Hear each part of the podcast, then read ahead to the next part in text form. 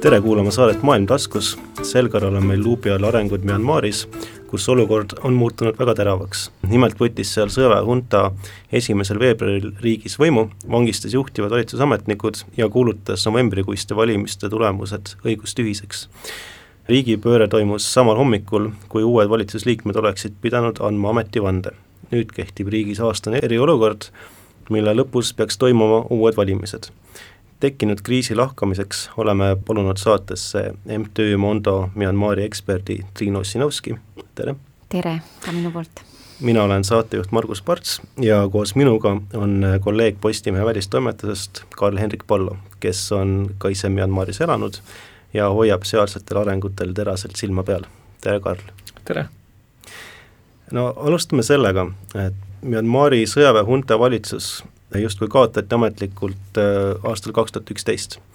Äh, kuid kümme aastat hiljem on sõjavägi riigis uuesti võimul ja nüüd tekib küsimus, et äh, kuivõrd tugev on olnud selle roll vahepealsetel aastatel ja kas see on funktsioneerinud siis sisuliselt justkui paralleelstruktuurina? mina kommenteeriks seda niimoodi, et tegelikult on ka need viimased kümme aastat olnud võimul Myanmaris siiski sõjavägi, ehk siis äh, Tatmadaw aastal kaks tuhat kaheksa äh, draftitud ja vastu võetud põhiseadus on tegelikult ju nende poolt sisustatud, äh, nende endi huve ennekõike kaitsev. Ehm, ja, ja selle, sellesama põhipõhiseadusega nad tegelikult siis avasid nii-öelda mõningased äh, võimaluste aknad kodanikuühendustele, kodanikuühiskonna nii-öelda avanemisele ja kasvule, mõningased nii-öelda arengud demokratiseerumise teele ja ka kindlasti avasid selle, selle uue põhiseaduse ja uue nii-öelda korraga ka riigi majanduse, aga selle kõige taustal on nemad olnud siiski kogu see aeg võimul, omades sõnaõigust sisuliselt kõige olulisemates küsimustes. Ja, ja ka sedasama põhiseadust on võimalik olnud ainult muuta nii-öelda koostöös nendega, ehk et seda tegelikult ei ole muudetud siiamaani, et ähm, see viimane areng nüüd, mis siis esimene veebruar äh, meile tõi või Myanmarile tõi, äh, tegelikult on, on võib-olla nii-öelda sellise katteloori või, või eesriide lihtsalt äh, langemine, mm, et, et, et noh, need, need demokraatliku maailma ähm, esindajad, abiorganisatsioonid, rahvusvaheline kogukond, kes väga lootis, et see sõjavägi on, on kuidagi leidnud teise rolli ja vähendanud oma võimu riigis viimase kümne aastaga ja see graduaalselt aina väheneb, Äh, noh, nägid ka väga selgesti nüüd ära, et tegelikult on ikkagi see võim pidevalt olnud ja on siiani selle sõjaväe käes ja ja, ja kui ne-, kui neile tundub, et mingil põhjusel hakkab võim nende käest ära, ära nihkuma, siis äh, nad ongi võimelised tegema täpselt seda, mida nad nüüd siis esimene veebruar tegid. aga mida selle riigipöördega taotletakse, et lihtsalt ongi võimul püsimine see eesmärk või? Äh, noh, siin me nüüd peame natuke minema spekulatsioonidesse, sellepärast et erinevaid, väga erinevaid versioone ja väga erinevaid põhjendusi on, on rahvusvaheline kogukond, Birma vaatlejad, äh, teadlased välja pakkunud, aga, aga eks ta siiski on ennekõike tõepoolest sõjaväe ja sõjaväe eliidi positsiooni äh, nii-öelda kindlustamine, ehk et kõige laiemas raamis küllap nad nägid ise, et et et mingis aspektis, mingil viisil äh, on nende, nende võim kas nõrgenemas või, või käest nihkumas ja et seda vältida, äh, astusid nad äh, vastava sammu. on olnud üsna konsensuslik arusaam. aga see sisuliselt tekitab küsimuse selles mõttes, et alati on võimu taga mingisugune põhjus, eks ole, et noh, sõjavägi oli niigi riigis tugev, nagu sa mainisid mm, -hmm aga miks siis see praegune või ütleme, senine positsioon viimase kümne aasta jooksul neid ei rahuldanud? Äh, siin tegelikult on äh, mitmeid äh, mitmeid erinevaid arvamusi, üks neist on ja, ja siin me nüüd põikame juba teise suurema teema otsa, on, on siiski see rohingjade suunaline vägivald, äh, potentsiaalse genotsiid, millest me räägime, ja seesama sõjavägi, seesama sõjaväe ülemjuhataja Mingang Klang on tegelikult ka äh, rahvusvahelise kriminaalkohtu alla antud. Ja tema amet ameti äh,, ameti ülesanded äh, pidid ametlikult lõppema või tema, tema pidi oma ameti maha panema äh, tulenevalt oma vanusest äh, nüüd äh, selle aasta suvel. Äh, ja, ja, ja üks versioon on see, et ta isiklikult kartis, et kui ta seda teeb, siis ta kaotab tegelikult selle prestiiži, selle, selle tiitli, selle, selle positsiooni äh, riigis ja ühiskonnas ja sõjaväes äh,. ja, ja, ja ta võidakse välja anda äh, rahvusvahelisele kriminaalkohtule, siis äh, Aung San Suu Kyi nii-öelda valitsuse poolt, kes, kes noh, ütleme, kui nad oleksid saanud ametisse astuda, oleks jätkanud, eks ole, sisuliselt riigi juhtimist see on üks versioon, ähm, teine versioon on need majandusaspektid, millest on hästi palju hakatud ka rääkima, et äh, kõik olulisemad ja tulutoovamad majandussektorid on tegelikult nii-öelda sõjaväe käes või siis sõjaväega väga lähedalt seotud ähm, inimeste, isikute käes ja ja seda korruptsiooni teemat tegelikult on, on nii Birma sisene ajakirjandus kui ka, kui ka välised, välised äh, ajakirjandusväljaanded tegelikult üha rohkem ja rohkem hakanud käsitlema. Ja, ja see, äh, sellele viitab, et, et miks see teema nende jaoks nii oluline on, kindlasti ka see, et, et ajakirjanikud, kes on puudutanud neid majandusteemasid ja neid korruptsiooni, suuri korruptsioonijuhtumeid, mis, mis, mis viivad välja tegelikult sõjaväe juhtkonnani, äh, neid on halastamatult tegelikult karistatud, vangi mõistetud ja nii edasi, et, et ilmselgelt see on, see on valdkond, mille, millesse nii-öelda varju heit-, millesse nii-öelda pilgu heitmist nad, nad ei soosi. jah, aga nüüd, kui ütleme, neljas nädal meeleavaldusi käib, et siis äh, sotsiaalmeedias ringlevad suured äh, pildid massiivsetest rahvahulkadest äh, tänavatel, et et kuidas täpsemalt siis protestijad oma meelsust näitavad või mis on need peamised viisid ja strateegiad, et kuidas protestitakse? Nad ise kutsuvad seda kodanikuallumatuse liikumine äh, ja, ja ta tõepoolest seda on. Äh, see on ja, ja sealjuures on see täiesti vägivallatu olnud, et äh, ja see on väga-väga suunitletult ja väga, väga, väga koordineeritult vägivallatu protestiliikumine, mi-, mi-, mille, millesse rahvas on nii-öelda kaasatud. eile oli üks suurimaid rahvakogunemisi üldse äh, selle kogu selle, selle veebruarikuu jooksul nüüd, äh, miljonid inimesed erinevates linnades, äh, omavalitsustes, külades tulid tänavale ja täiesti vägivallatult kas siis istudes või seistes, oma plakateid näidates, lauldes näitasid oma meelsust sealjuures ma, ma tuleksin korraks tagasi võib-olla selle kodanikuühiskonna ja selle sidususe juurde, et see viimased kümme aastat on, on tegelikult seda riiki tugevdanud äh, ennekõike minu meelest just läbi selle kodanikuühiskonna kasvatamise või, või kasvamise, et äh, see uus generatsioon, nad ise nimetavad nüüd seda juba generatsioon Z-iks. Need on sellised kahekümnendates äh, ülikooli noored, mm, kes, kes on hästi, hästi tugevas äh, nii-öelda kontaktis Hongkongi protestijatega ja ka Tai noorte protestijatega ja tegelikult needsamad võtted, mida teised on siis nüüd juba ära proovinud nii Hongkongis kui ka Tais, on, on väga ilusti tegelikult eksporditud ka sinna Birmasse ja, ja see üks keskne mõiste, mille, mille ümber see kõik on koondunud, nende jaoks on ka see vägivallatus, et nemad ei lähe vägivaldseks, nemad ei viska Molotovi kokteile või, või, või kividega või mitte midagi sellist, et nemad on vägivallatud. et, et teine pool ei saaks tulla, tulla neid süüdistama rahu äh, nii-öelda mm, rahutuste esilekutsumises ja siis noh, seeläbi võib õigustada oma samme. et, ähm, et see on tõesti jah, vägi, vägivallatu olnud Äh, kas ma saan õigesti aru, et, et seal ei ole ühtegi keskset äh, isikut, kes neid mobiliseeriks, vaid pigem see on, on niisugune rohujuure tasandil? see on noh, tal tegelikult kin-, on küll ikka on juhid olemas, aga nad on, me ei saa nagu ühte, ühte keskset nime öelda, et siin tegelikult on toredasti kaks kihti omavahel nüüd ka põimunud, et äh, see tuhande üheksasaja kaheksakümne kaheksanda aasta tudengite tudengite protest, mis siis äärmiselt vägivaldselt maha suruti ja üle kuue tuhande inimese oma elu sinna jättis ja, ja mille tagajärjel tegelikult ülikoolid aastaks ja kauemaks kinni, kinni pandi ja, ja liigutati linnadest äh, äärelinnadesse ja linnadest üldse välja, eks ole, ja ja kõike seda tehti, et ähm, et seesama kaheksakümne kaheksanda aasta protestiliikumise juhtkond, Minko Nai, Mia Aie ja nii edasi, et nemad tegelikult ju on ka seotud tänaste liikumistega, nemad on viiekümnendates mehed täna, kes on, kes on oma elus suure osa tegelikult äh, poliitvangidena ära istunud ja kes on nüüd viimased kümme aastat äh, seda kodanikuühiskonda tublisti ähm, esindanud ja, ja ka arendanud, äh, et nemad on see üks kiht, kes tegelikult korraldab täna neid rahumeelseid ähm, Äh,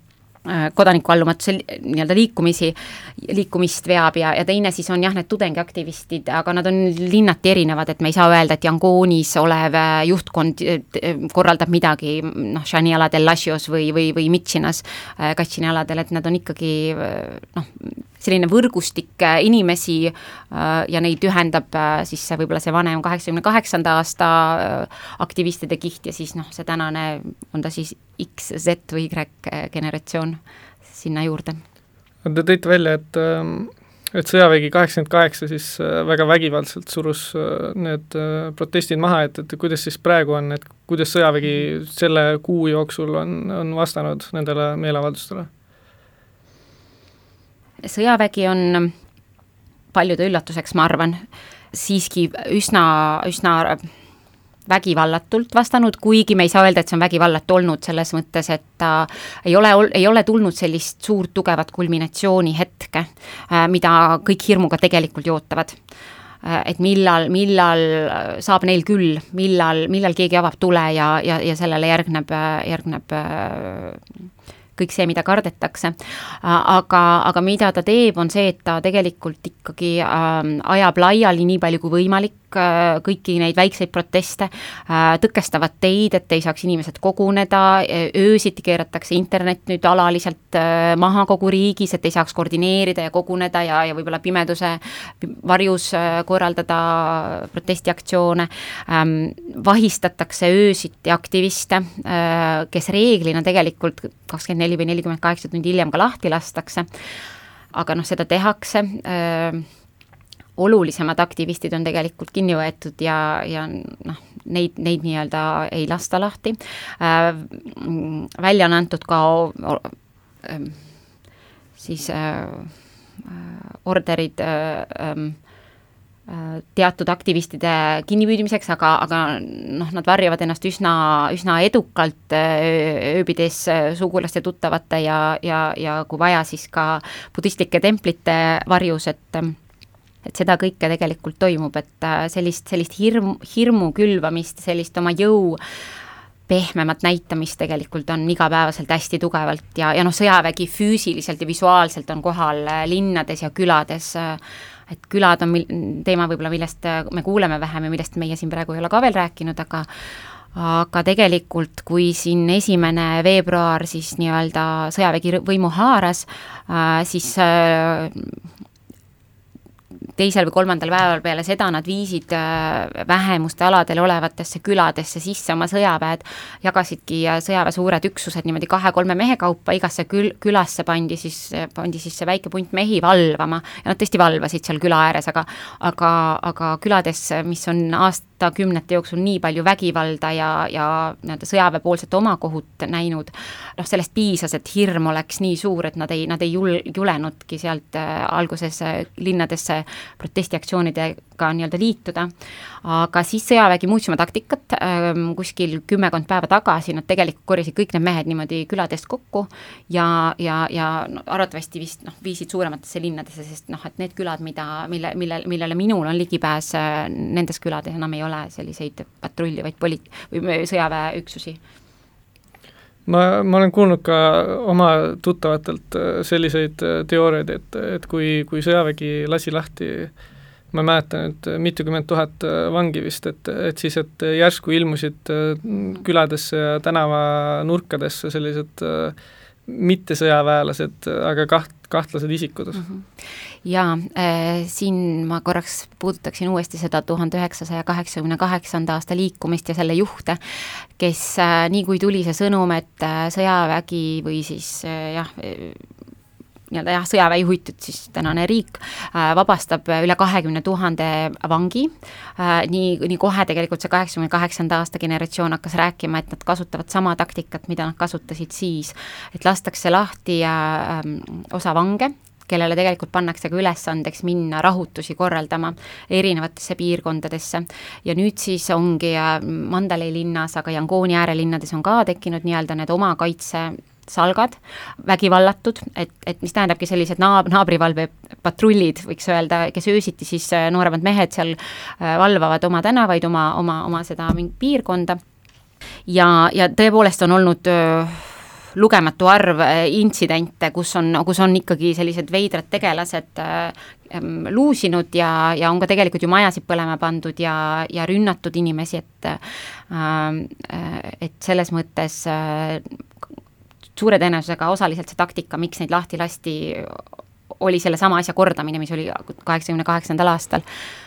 noh, ja teine põhjus võib olla see, et, et oli igaks juhuks vaja ka ähm,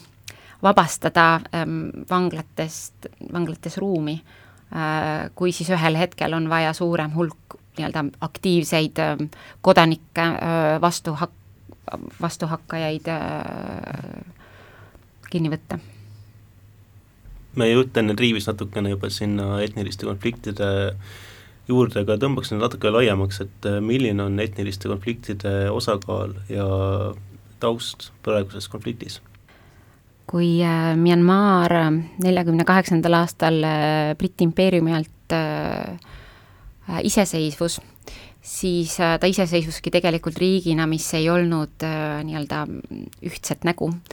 et sisuliselt see tähendab seda, et, et äh, me räägime riigist, kus, äh, kus ongi üle saja neljakümne vähemusrahvusgrupi, suuremad neist viis miljonit Äh, miljon äh, sel-, sel-, sellise, sellises rahvaarvus. Ja ei ole olnud kordagi selle aja jooksul ka ühtset nägu, et milline võiks olla Myanmari tulevik või olevik, äh, paljud vähemusrahvusgrupid tegelikult on soovinud neljakümne kaheksandast aastast alates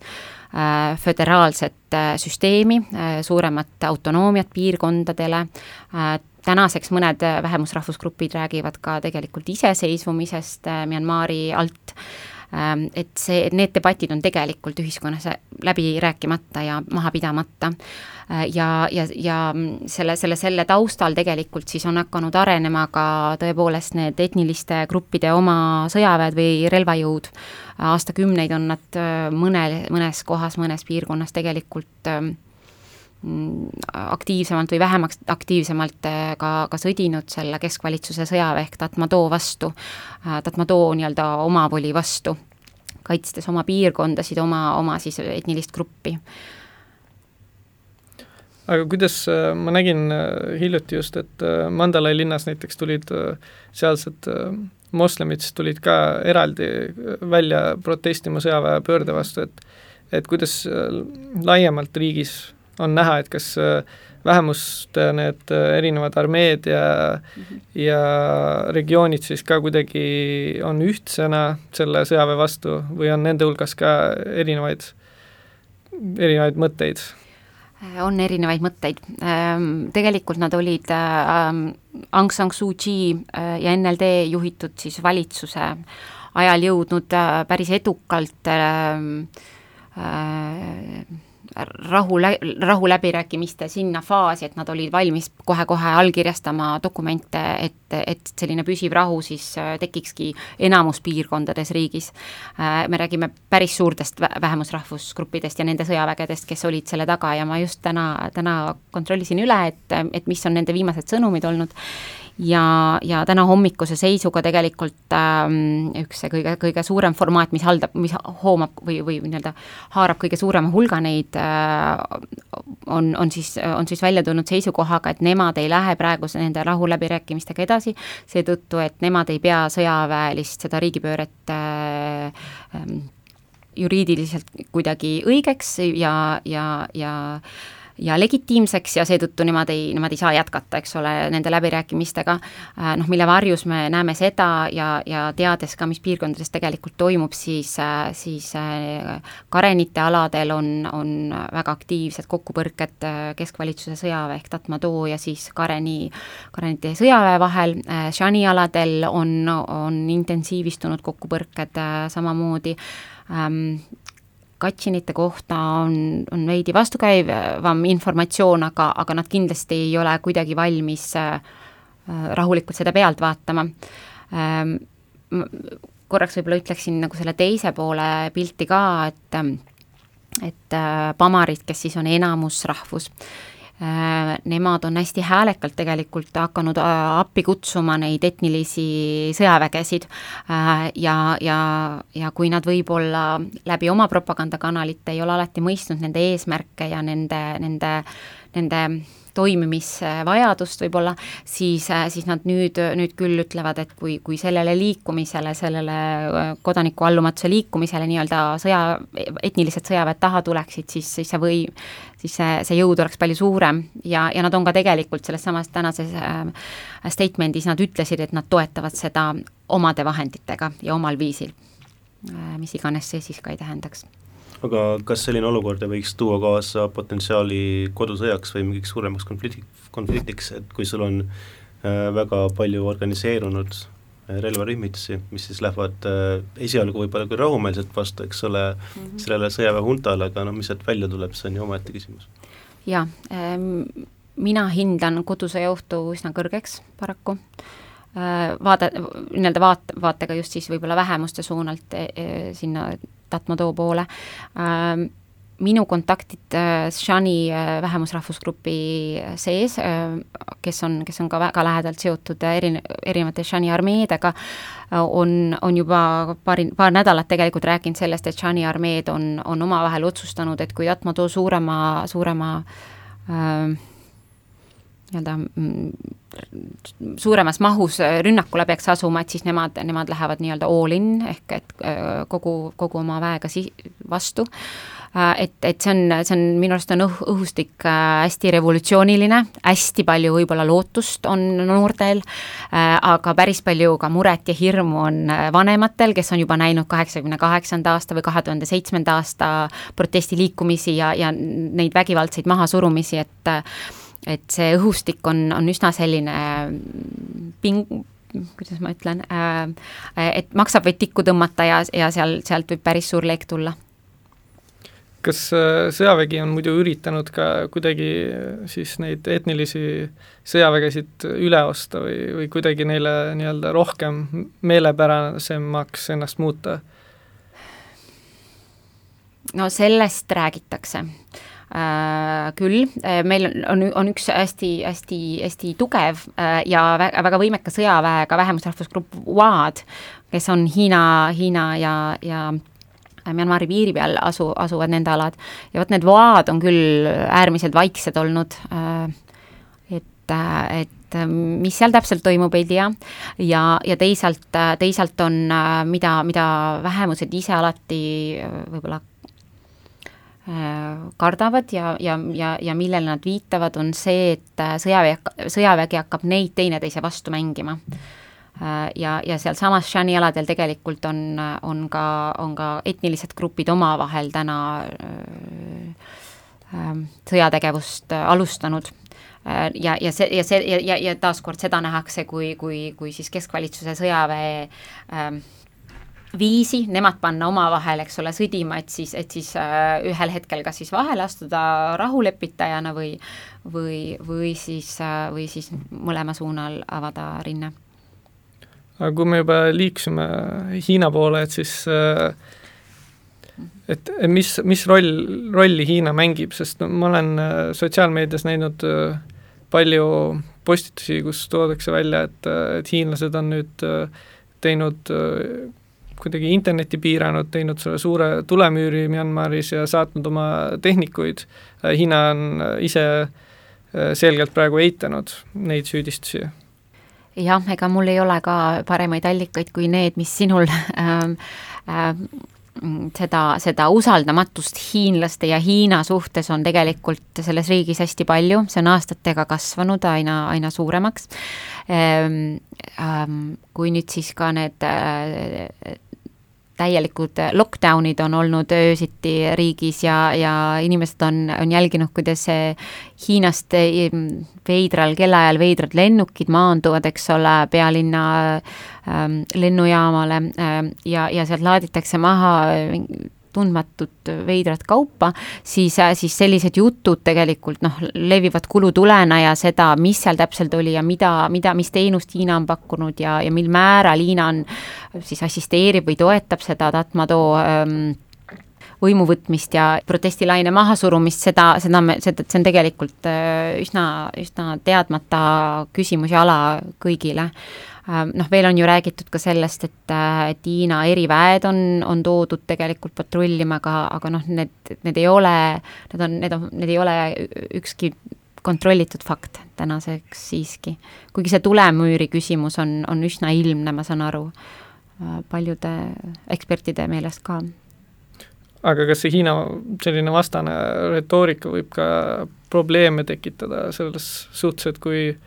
kui noh, tegemist on äh, siiski naaberriikidega ja ma tean, et Myanmaris elab ka hiinlasi ja, ja, ja üldsegi, et Hiina ja Singapur on suurimad investorid riigis et siis selline noh, hirmuseisundis äh, näha hiinlasi kui vastaseid, et kas sealt võib nagu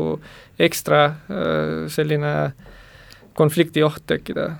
absoluutselt, ähm, seda on ka tegelikult räägitud, et kui Äh, kuivõrd see, see hiinlase see viha ja, ja vastasus on aina kasvanud, et siis antud kontekstis on seda usaldamatust iga hiinlase suhtes hästi palju ja, ja noh, äh, kindlasti on seal potentsiaalne nagu oht äh, lisa, lisapingeteks ja lisa, lisakokkupõrgeteks olemas aga kuidas on Hiina ja, Hiina ja Myanmari suhted ajalooliselt muidu olnud? Et kas sellised äh, pinged on pigem mööduv nähtus, et korraks tuleb, korraks läheb või siis äh, on, on seal äh, selline mhm. mingisugune pikem hoovus all? jaa, ma tuleks siinkohal tagasi selle kahe tuhande kaheksanda aasta juurde ja, ja mõned aastad enne seda juba, kui hakkasid jutud, et, et Myanmar kavatseb ennast reformida, kavatseb avaneda, kavatseb uue, viimaks uue põhiseaduse, eks ole, vastu võtta, kavatseb demokraatlikke valimisi hakata korraldama, siis, siis peamine tõuge, millest, millest äh, akadeemias on ju räägitud, on ikkagi olnud see, et nad olid tolleks ajaks hästi tugevalt Hiina mõjusfääri ära nihkunud. Äh, nende, nende ainus suur väline noh, partner äh, ja toetaja mm, oli, oligi Hiina, äh, Hiina valitsus. ja et, et nii-öelda välja murda sellest, sellest, äh, sellest ähm, noh, mõneti satelliitriigi staatusesse sattumisest äh, nad, nad siis tollased sõjaväe ülemjuhatajad nägid, nägid, et nad peavad riigi avama, riigi majanduse avama, et lasta, lasta sisse tegelikult investeeringuid ka teistel poolt ja, ja mujalt, et balansseerida seda tugevat Hiina mõju ja samamoodi, et et avada taas diplomaatilised kanalid, olid erinevate riikidega noh, läänest, Kagu-Aasiast, laiemalt Aasia regioonist, eks ole, ja, ja selles mõttes äh, võib-olla see on paljudele hästi üllatav, et, et nüüd tehti selline vähikäik äh, sama sõjaväe poolt äh, ja, ja, ja hästi, hästi kiiresti tõttasid paljud äh, analüütikud ja, ja Birma vaatlejad rõhutama seda, et Lääs ei tohiks mitte mingil juhul tekitada olukorda, kus, kus me, kus me nii-öelda mm, jääme kaugelt pealtvaatajaks ja ainus, kes, kes tegelikult siis nii-öelda majandusabi või, või muul viisil tuge pakub, saab olema jälle seesama Hiina, et, et siis on need kümme aastat vahelt äh, kui pühitud. aga kuidas on äh, lääneriigid ja, ja ka näiteks ASEAN-i riigid äh, praeguses olukorras siis äh, reageerinud? Äh, no reageeringud on olnud väga erinevad ähm, noh, lääne, lääneriigid, Euroopa Liidu liikmesriigid äh, on äh, karmilt hukka mõistnud, äh, kutsuvad, kutsuvad koheselt taastama demokraatliku süsteemi ja, ja andma nii-öelda võim üle novembris siis toimunud valimised võitnud NLD-le Äh, sama, sama häälekalt ja sama, sama jõuliselt on, on reageerinud ka Austraalia, aga kui me nüüd ASEAN-i vaatame, siis ASEAN on, eks ole, majandusliit ja, ja ASEAN-i riikide omavahelises suhtluses on see selline äh, üsna, üsna selge reegel, et, et nad teise riigi siseasjadesse, eriti sellistesse äh, noh, poliitilistesse, etnilistesse mm, küsimustesse nad ei, nad ei sekku, nad ei võta seisukohtasid ja, ja see on tegelikult olnud ka joon, mida nemad on hoidnud. Ähm, võib-olla üllatavamad on olnud India, kes siin äh, küll veebruari alguses mõistis hukka, aga sealt edasi me ei ole tegelikult Indiast peaaegu mitte midagi kuulnud ja India on ikkagi Aasia,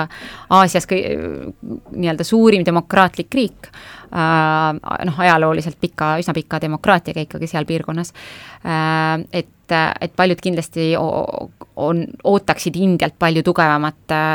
hukkamõistu ja, ja, ja sõnavõttu. Ja, ja noh, teise riigina on Jaapan, kes on olnud ka üsna vagusi, on küll hukka mõistnud, aga, aga aga võib-olla mitte sel viisil, nagu oleks loodetud. Äh, siis äh, Myanmari vabade mõtlejate poolt aga seal, seal tegelikult nemad jällegi, nad analüüsivad, et see saab olema ture-, et see põhjendus küllap peitub selles, et et Jaapan, Jaapani taktika on lihtsalt teine, et, et mitte, mitte sanktsioonid ja mitte mm, nii-öelda mm, kogu, kogu koostöö lõpetamine siin ja kohe, kui te ei naase noh, nende tingimustega, eks ole, tagasi eelneva juurde, et siis, et see on võib-olla lihtsalt selline taktikaline käik Jaapani poolt. aga mis te arvate, kas äh kas sellele hukkamõistule peaks kaasnema ka näiteks lääneriikide äh, firmade äh, riigist lahkumine, sest ma mäletan näiteks, et äh, et Norra, Telenor on väga nähtav seal riigis kui üks kahest suurest telekommunikatsioonifirmast, et, et kas nad peaks ära minema kohe või mitte? Ma ei ole majandusinimene. Äh,. ma ei, aga äh, ühesõnaga äh, taaskord äh, ma, on imekspandav, kui, kuivõrd äh, taltsalt on Telenor kuulanud tegelikult Tatmadu sõna, ma saan aru, et nad ütlevad, et neil ei ole muud võimalust aga sealjuures noh, jaapanlased äh, oma, oma õlletehastega, eks ole, mille nad on, suured tootmised on nad ju viinud Myanmari, on päevapealt öelnud, et nemad lõpetavad ja nemad selle režiimi all niimoodi edasi oma tööd seal ei jätka. Äh, veel on mitmed Jaapani teised ettevõtted noh, öelnud, et, et kui olukord ei, ei selgine, ei muutu, äh, siis nemad ei jätka. Aga noh, me peame seda ka ikkagi silmas pidama, et, et äri, äril või, või noh, ütleme ettevõtlusele tundus äh, veel paar aastat tagasi Myanmar hästi sood-, soodne ja mõnus ja, ja tohutu potentsiaaliga turg ja võimalus ja, ja sinna on ikkagi investeeritud äh, miljardeid. et noh, ei, ei saa päris äh, noh, eeldada, mulle tundub ka, et nad päevapealt äh, poliitiliste nii-öelda tõmbetuulte tõttu lihtsalt oma, oma tegevuse seal lõpetaksid, et noh, seal, siin on lihtsalt nii palju investeeritud tänaseks ja mida hetkel, kas sul on silma jäänud, et mida hetkel meel, meeleavaldajad nõuavad? et, et esialgselt nõuti seda, et, et lihtsalt need tipp-poliitikud, eks ju, vabastataks. aga kas sellele on ka lisandunud midagi või mitte, sellepärast et mõnikord lihtsalt need meeleavaldused algavad ühest asjast, aga siis mingi hetk kasvavad üle ja noh, eks ju, hakatakse nõudma mm -hmm. üha rohkem mm -hmm. ja rohkem asju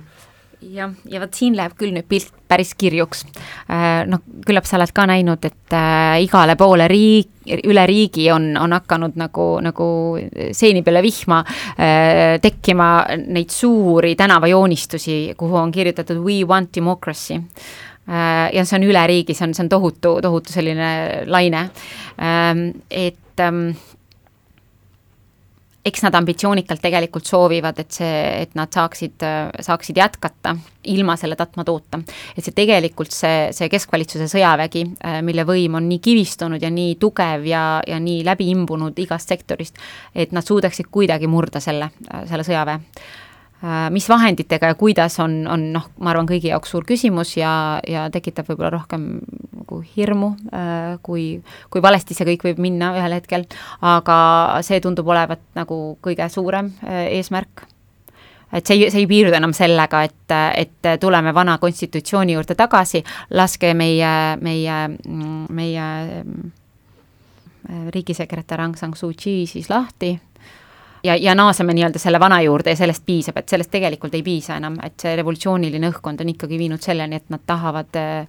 reaalselt väga suurt muutust ellu kutsuda. sealjuures vähemused räägivad, et nüüd on meil võimalus ikkagi föderaalriik luua. et, et nüüd me peame konstitutsiooni kallale hoopis minema, et noh, et sõjaväe, sõjavägi niikuinii peab minema, nüüd me peame ka konstitutsiooni kallale minema ja me peame äh, nii-öelda selle, selle riigi põhialused ümber vaatama ja, ja, ja me peame kujundama selle siin nii-öelda föderaalriigiks, äh, selle Myanmari.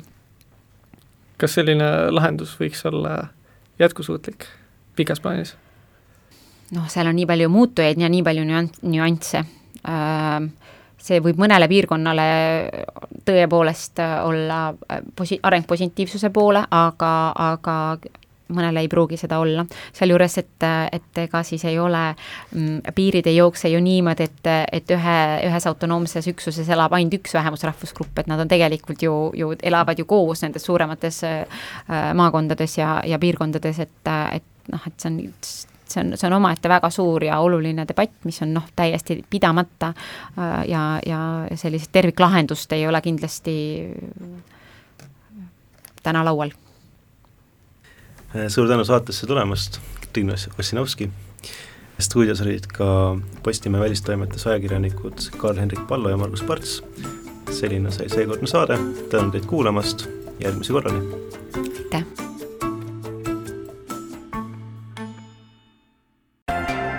Kogu saade on kuulatav Postimehe digipaketi tellijatele veebilehel podcast.postimees.ee